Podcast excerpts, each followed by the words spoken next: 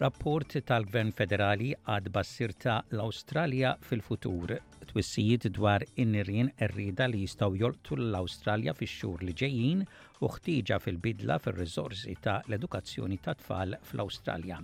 Insellmilkom dan huwa ġo għaxa bulettin ta' aħbarijiet miġbura mir-riżorsi tal-SBS.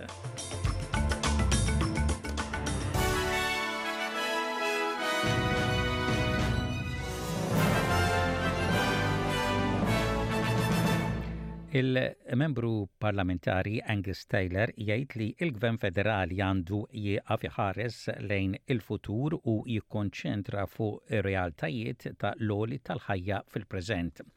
Dan wara li t-Teżorier Jim Chalmers ħareġ rapport ta' din is-sena li jipprovdi stampa ta' l-Awstralja kif tidher li se tkun 40 sena oħra.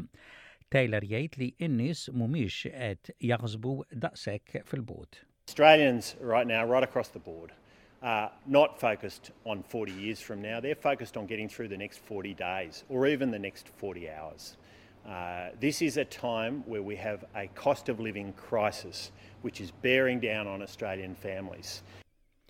Imma it-teżurier Jim Chalmers iddefenda l-importanza ta' l-pjanar għal-futur. If you don't have that sense of the future kind of that flame kind of flickering in you, you know, if you don't have that pilot light of purpose in you, then you've got no business being here in our line of work. l-awtoritajiet ta' emerġenza poġġew partijiet kbar tal-Awstralja fuq alert ta' nirien katastrofiċi din ir-rebbiegħa. Dan wara li l-awtoritajiet tat-tifi tan-nar nazzjonali wissew lin-nies fl-Awstralja biex ikunu lesti għal kundizzjonijiet ta' temp perikoluż li ma rajniex bħalhom mis-sajf li baqa' magħruf bħala black summer tas-sena 2019 u 20. Uffiċjali ta' tifi tan-nar jgħidu li l-biċċa l-kbira tal-Awstralja hija miksija bi fdalijiet ta' siġar u ħaxix wara tliet snin affettwati mit-temp li ġab miegħu La Niña. L-aħħar tbassir għar-rebbiegħa li ġejja iwissi żieda ta' periklu tan-nar f'partijiet kbar ta' Northern Territory Queensland, New South Wales, Victoria u South Australia. il l li komunitajiet għandhom ikunu lesti The strong message is that plan and prepare. We're often asked at this time of the year, will it be as bad as Black Summer? But the strong retort is it doesn't need to be a Black Summer to be dangerous, and it just makes common sense for people to be prepared, to spend the time now to sit down with families and, and have a plan We don't need any reminders given what's happened in the Northern Hemisphere, whether it be Greece, whether it be Canada, where we've had 700 Australian firefighters and other specialists over there, and of course the, the tragic conditions in Hawaii recently that, um, that beg a belief. L-Unjoni ta' l-Edukazzjoni fl-Awstralja tgħid li r-riżultat tal-programm ta' assessjar nazzjonali magħruf bħala NAPLAN għat-tfal jikkonferma kemm l-istudenti fl-Awstralja huma batuti fit-tagħlim tal-qari u l-aritmetika. Ir-riżultati ta' din is-sena juru li għaxra fil-mija ta' l-istudenti mhumiex jgħaddu minn dan l-eżami. Il-President Federali ta' l-Union ta' l-Edukazzjoni, Corinne Haythorpe tgħid li meħtieġa għajnuna urġenti għal l-istudenti batuti.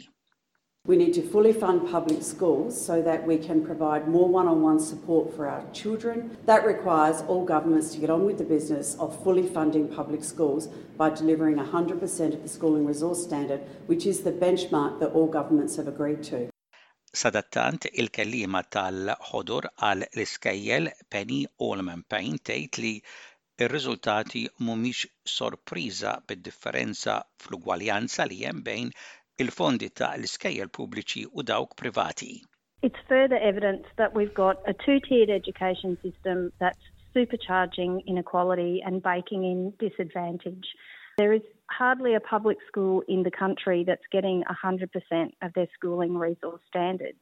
and when they are the schools that are teaching most of the young people with disadvantage, it's clear that unless those schools get to 100% of funding so that they can get the resources that they need to assist those kids, we're not going to see outcomes improve. L-Awstralja mistennija li teħlisha għal ftit minn riċessjoni s-sena d-dieħla minkejja rati aktar għolja tal-imgħax u pressjonijiet mill-ekonomija globali. l-aħħar indiċi tar-riskju tan-negozji creditor watch għax-xahar ta' lulju juru li l-valur medju tad-dħul tan-negozji naqas bi 28 fil-mija f'dawn l-aħħar tnax-il xahar minkejja l-pressjoni fuq in-negozji sorsi tal-gvern jgħidu li ma jidhirx li l-awstralja se tintlaqat minn riċessjoni Il-kelliemi ta' l-Oppożizzjoni għat-Teżor Angus Taylor jgħid li l-Gvern mhux qed jagħmel biżżejjed biex itaffi l-pressjonijiet ta' l-għoli tal-ħajja. Well first and foremost focus on those cost of living pressures for all Australians and and the key to that is put to put downward pressure on inflation. That that means not doing some of the things that the government has done. The IR changes that they've brought forward are the wrong thing for the time. Uh, they haven't delivered on their $275 electricity price reduction that they promised, and we need to see that. Uh, we don't need to see more red tape for businesses in delivering what they've got to deliver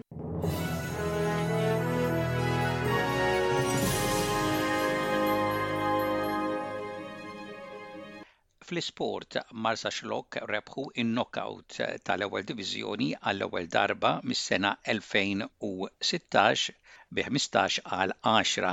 Fil-ġurnata kienu superjuri minn Birżebbuġa bi żewġ plejers barranin jiġifieri Nikola Moskov u Sasa Misic ikunu fl-aqwa forom tagħhom biex mexxew lit-tim għar-rebħa. Sliema jinsabu fil-finali tan-knock-out wara r-rebħa ta' 13 għal tnax fuq Neptunes li kienu għoddhom tilfu dak li bnew tul il-logħba u San Ġiljan huma l-avversarji ta' Sliema fil-finali tan-knock-out tal-Kampjonat Premier wara li rebħu lil Valletta 21 għal 15. U intemmu dan il-bulettin ta' ħbarijiet bħarsa lejn ir-rapport ta' temp, temp xemx mistenni f'Perth, f'Melbourne, f'Wolongong, f'Sydney, fi Newcastle, fi Brisbane u f'Darwin, temp daqsxejn imsaħħab mistenni f'Adelaide u f'Kembra u ħalbit ta' xita mistennija f'Hobart u f'Cairns. Dak kien bulettin ta' ħbarijiet mir-radju tal-SBS sal-lum il-ġimgħa,